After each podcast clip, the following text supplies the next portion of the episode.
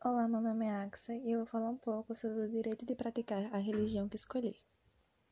A intolerância religiosa não é algo que atinge apenas uma religião.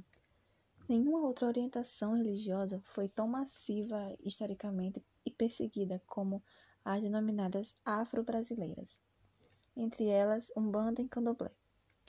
Em 2017, o Disque 100 recebeu 537 denúncias de intolerância religiosa Todas as expressões devem ser igualmente respeitadas e protegidas, assim como a opção de também não ter nenhuma religião. Zombar, ofender ou até atrapalhar uma cerimônia religiosa pode acarretar multa ou até três anos de prisão.